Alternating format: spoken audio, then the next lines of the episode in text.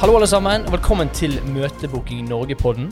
Det føltes rart at eh, jeg skulle ta den i dag, men det, det, sånn er Første det. gang med intro. Første gangen jeg tar introduksjon. ja.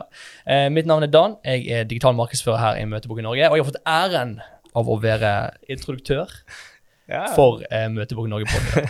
og jeg sitter jo selvfølgelig her med Alexander Selheim, daglig leder i Møtebooking Norge. Mm. I dag blir det en litt annerledes episode. Vi har vært veldig faglig til nå, Mm. og det blir jo sikkert litt faglig innhold Ja. sånn sett. Eh, men nå skal eh, vi eh, snakke litt om oppstarten og historien til Møtebooking Norge. Mm. Og det er noe som jeg synes er veldig spennende, for jeg kan ikke så veldig mye om oppstarten. Eh, bortsett fra det vi har diskutert bitte litt i, i, eh, når vi har forberedt oss til denne episoden her. Ja. Så jeg er veldig nysgjerrig, og jeg er veldig spent eh, på hva du har å si. Så bare begynne enkelt. Hvorfor? Why? Er, hvorfor startet du Møtebooking Norge? Ja, det var jo eh, eh, det, var, det var jo ikke bare jeg som startet uh, selskapet. Det var òg en som heter Kristoffer, som fremdeles er med i selskapet. Og så må det òg nevnes en som heter Espen Hærum, eh, som du nok aldri har hørt eh, navnet Nei, det på. var nytt for meg. Ja, Han òg var med og uh, startet selskapet en gang i tiden. Eh, og På den tiden der så var vi jo eh, vi var jo unge, så jeg var jo 22 år gammel når vi valgte å starte Møtebok i Norge. Kristoffer var ett år yngre enn meg også, Espen var litt eldre. Men, eh, men eh, så, Uerfaren. vi var veldig uerfarne. Veldig uerfarne. Okay. Men det som var eh, det som det, Vi hadde jo alle tre en bakgrunn. Vi kom fra, vi jobbet i samme selskap som drev med salg, og som drev med møtebooking. Og det som egentlig var prosessen der, var jo at vi, vi hadde et eh, I hvert fall for min del da, så var det et sånn superstort behov egentlig om å starte for meg sjøl. Mm. Eh, det var egentlig det som lå til grunn bak, eh, bak det. Og, og da var det liksom, på det tidspunktet der satt jeg med veldig lite eh, kunnskap og kompetanse om egentlig noe som helst.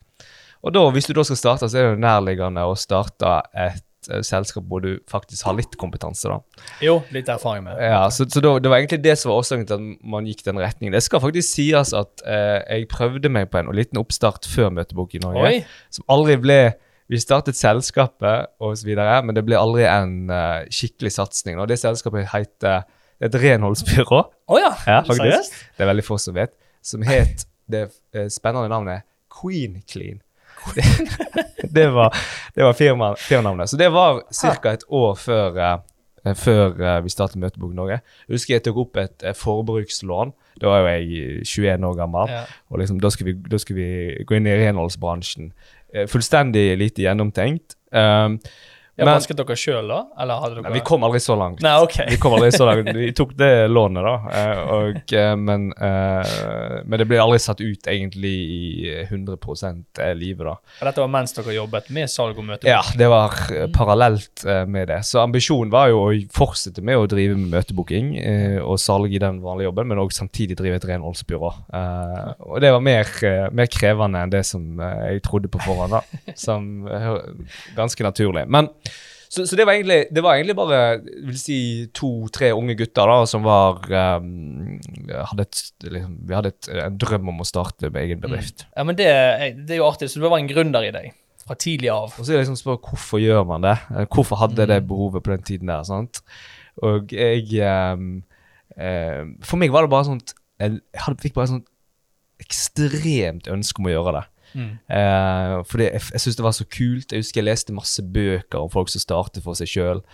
jeg leste bøker, alle bøkene Trygve Hegna og Stordalen og alle de der. Jeg syns bare det var så fascinerende å lese og, og bli kjent med historiene til de typene der. Eh, så, så det gikk bare inn i en sånn og da, det var egentlig, Så det var egentlig, det var egentlig en drøm på det tidspunktet. da. Hadde du ikke, det var ingen passion for møtebooking på det tidspunktet der, eller?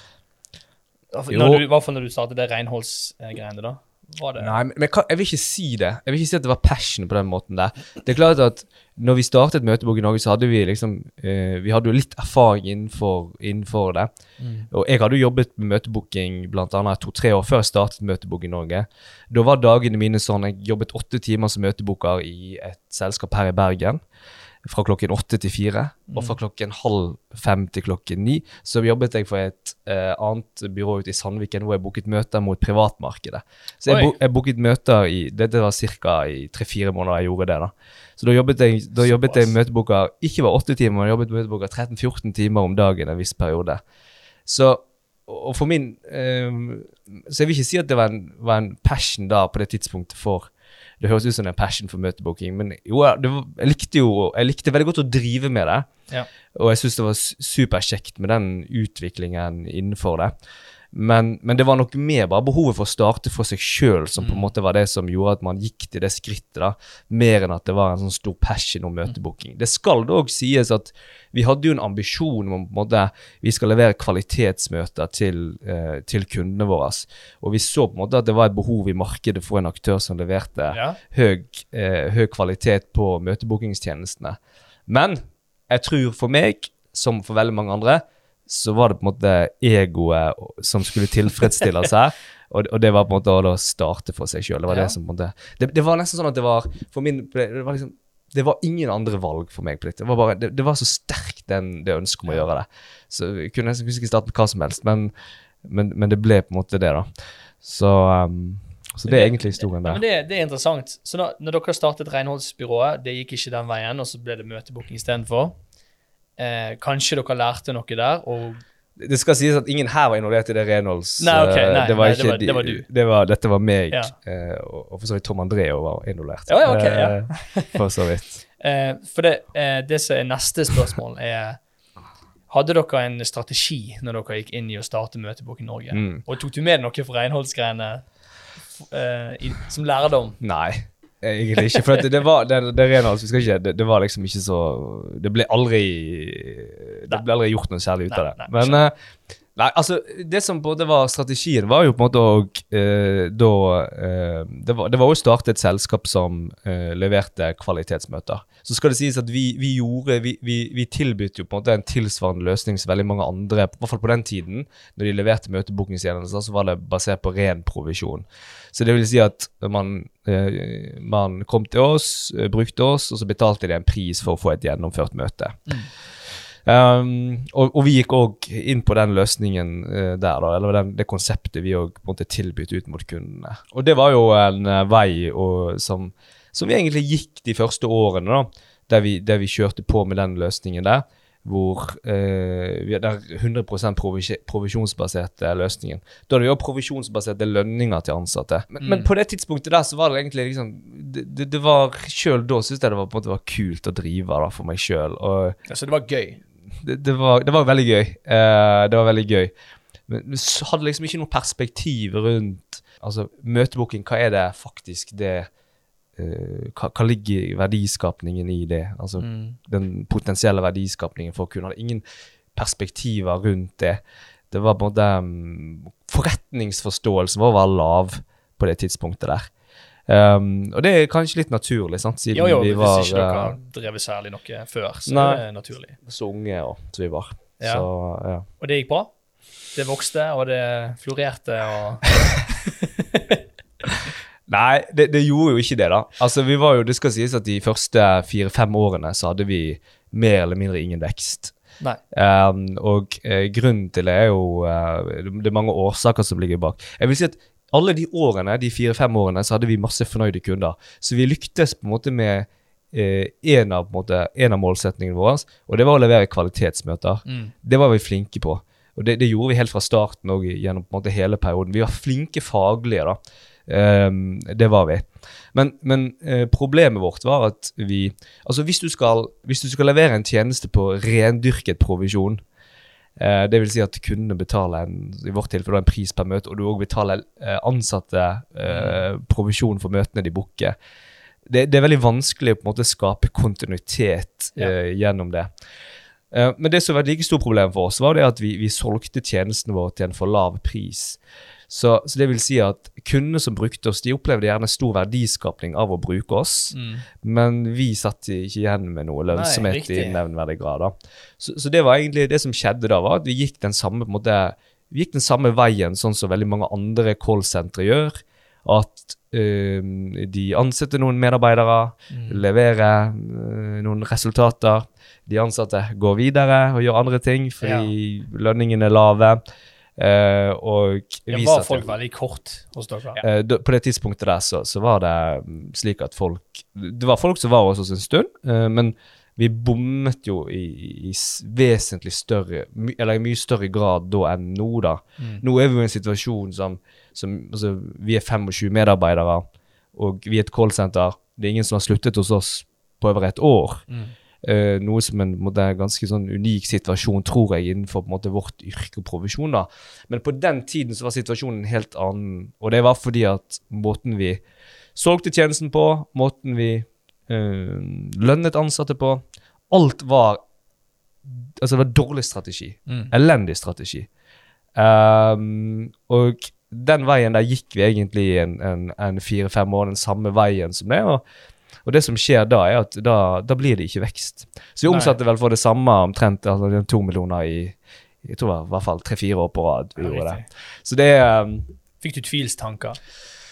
Eh, Jeg fikk i hvert fall mange vonde tanker, men uh, nei eh, Ja, selvfølgelig så, så gikk jeg nok gjennom noen runder der du på en måte tenker at uh, at vi eh, Og folk rundt meg sa jo det. Ja. På den tiden. Ja, folk rundt meg på den tiden der sa jo Alexander, kan ikke du gjøre noe annet Mm. eh, enn dette? Uh, du tjener veldig Altså, jeg hadde superlav lønn sjøl òg Ja. i mange, mange år. Var det sånn du begynte å tenke tilbake til tryggheten av å ha en jobb? En vanlig Nei, jobb, nei, nei, liksom? Nei, det var ikke der. Så det var ikke- nei, men det er interessant, da. Det var det ikke. Uh, og det var aldri sånn at jeg vurderte seriøst å gi meg i her møteboken. Det var aldri en, det var aldri en sånn spesifikk At det ble vurdert seg skikkelig, da. Ok, så da Dere omsatte for det samme år, Mm. år etter år. Dere vokste ikke. Ne. Men eh, noe skjedde jo. Ting har jo Mm. endret seg. Ja. Så hvordan, hvordan snudde du den Mm. trenden, da? Ja, jeg vil jo si at på en måte det var jo det var noe, Vi vurderte jo på en måte Vi, vi så det som skjedde, eh, og at vi ikke skapte noen særlig vekst. Og, eh, men jeg vil si kanskje det viktigste fra det viktigste på den tiden der var at på det tidspunktet så var det en, en person som kom eh, eh, eksternt, som eh, som, som jeg fikk en relasjon til, som, som hjalp meg. Han ble også min eh, coach, da. Uh, og har vært det siden de siste fire-fem årene. Eh, og han hjalp egentlig meg med å få et sånt perspektiv rundt den faktiske verdiskapningen som ligger i møtebooking. Før det så hadde vi Det interessante er at vi drev møtebooking og salg, men vi jobbet null med salg for oss sjøl. Så vi hadde ingen som jobbet Ja. med egne salgsprosesser. Så vi hadde ikke noe perspektiv rundt hvilke type kunder er det som har størst verdiskapning av tjenesten vår. Vi hadde ikke noe perspektiv rundt hvilke type bedrifter bransjer er det som er best match for oss. Og vi gjorde heller da naturligvis ingen salgsfremstøt mot, uh, mot uh, disse målgruppene. Så han fikk meg til å forstå at Alexander, en møtebooker som jobber mot eh, denne målgruppen her, eh, dette er bedrifter som i veldig stor grad vil oppleve veldig stor lønnsomhet av tjenesten deres. Hvis dere jobber mot denne målgruppen her, så vil dere kunne prise dere høyere. Fordi tingen før så bare jobbet vi mot alt, vi. Altså hvis det kom noen som skulle selge truser og eh, bleier til eh, det profesjonelle markedet, så hadde vi sikkert sagt ja til det. Ja, ja. Det, det var ingen eh, måte sånn, det, det var ingen forretningsforståelse. Så han, han, han, hjalp oss på en måte i den med, med, den forståelsen der, da, å forstå og se mulighetene som måte ligger der. Så utviklet det seg, og så begynte man da å ha et perspektiv rundt ok, den type kunder som er god match for oss, det er kunder som leverer sine tjenester mot en målgruppe hvor det er høy kundeverdi. Mm. Hvorfor er det bra for oss? Jo, fordi at hvis da våre kunder får et salg, så opplever de høy lønnsomhet hvis de får et salg. Det betyr igjen at møteverdien er høy. Et møte er mye verdt Mm. for denne type kunder. Um, og så dannet vi jo et konsept liksom mot å jobbe da mot um, denne type eh, bedrifter og, og uh, bransjer. Og vi solgte tjenesten vår. Vi gikk vekk fra på en måte ren provisjon. Kundene våre har muligheten til å betale en fast pris i måneden for tjenesten vår. Det gir oss høyere lønnsomhet, det gir oss høyere forutsigbarhet, som òg førte til at vi kunne øke lønningene og gå fra provisjonsbaserte lønninger til eh, fastlønn eh, til, til fastlønn for våre ansatte. Eh, vi, vi gikk inn for, På det tidspunktet der så begynte vi å, å få en ja, rett og slett bedre forståelse av det forretningsmessige. Da. Og så lagde vi egentlig da nye strategier på det tidspunktet. Ny salgsstrategi, ny vekststrategi. Egentlig alt ble endret, og det var en veldig spennende prosess å gå fra å eh, levere tjenesten på én måte. Mm. Så du, du har kunder i dag som du eh, jobber med. Du har ansatte som, du har, eh, som gjør en jobb for disse kundene, og så skal du endre alt. Ja. Det, det, var, eh, det, det var en utrolig spennende prosess. Var det litt skummelt òg?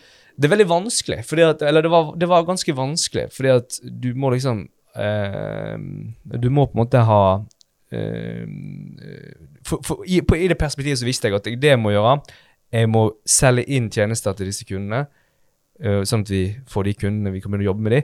Vi må øke lønningene til ansatte. Mm. Uh, men så har du òg en del Så har du òg kunder i dag som du jobber for. Det er jo ikke bare å kaste de ut, men du må gjerne begynne å forhandle med de. Prøve å få de til å forstå. andre, ja. Men samtidig, en del av de kundene som du allerede jobber med, det er kunder som ikke egentlig er målgruppen din. Mm. Du skal egentlig ikke levere tjenester til dem. Så det var på en måte det punktet vi gikk fra, vil jeg si, fra å jobbe feil til eh, der fokuset ble liksom å det, det fokuset vi har hatt de siste årene, som vi har her nå, å på en måte utvikle bransjen vår. Altså utvikle profesjonen vår. Um, så, så det var et veldig viktig øyeblikk da, i uh, Møtebok i Norges historie. ja. Veldig viktig. Ja, OK, så, så du har jo åpenbart lært veldig masse Mm. av denne prosessen. Mm. Og du har holdt på lenge nå med Mm. dette her, og du har hatt liksom Ja, og du har hatt liksom Du har vært i fallgruvene, du har uh, endret på ting og sett forbedring. Så mitt spørsmål er Har du bare sånn helt kort nå på slutten Har du noe råd til de som har lyst å starte for seg sjøl? Det er et stort tema. Ja, det, Ja, det, det er kanskje mange råd. det, det, er nok, det er et spørsmål som nok er verdt eh, mer tid. Men hvis jeg skal på en måte dra fram det viktigste fra våre egne erfaringer, da, så er det det å altså, få et godt perspektiv, godt og rett perspektiv over eh, verdiskapningen som man står for. Mm.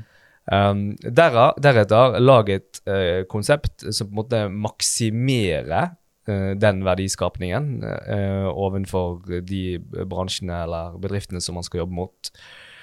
Um, og til slutt så vil jeg også si på en måte, det å på en måte faktisk lage en salg og på en måte og, og, vekststrategi som, som er bra, da.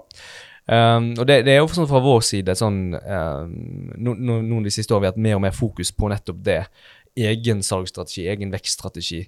Altså hvor, hvor, hvor viktig det har vært måte, for vår vekst. da. Mm. Um, men men jeg, tror, jeg tror det er mange som har mye å hente på en måte bare det å um, få en enda bedre forståelse av hva faktisk verdiskapning er det jeg står for, eller vi står for.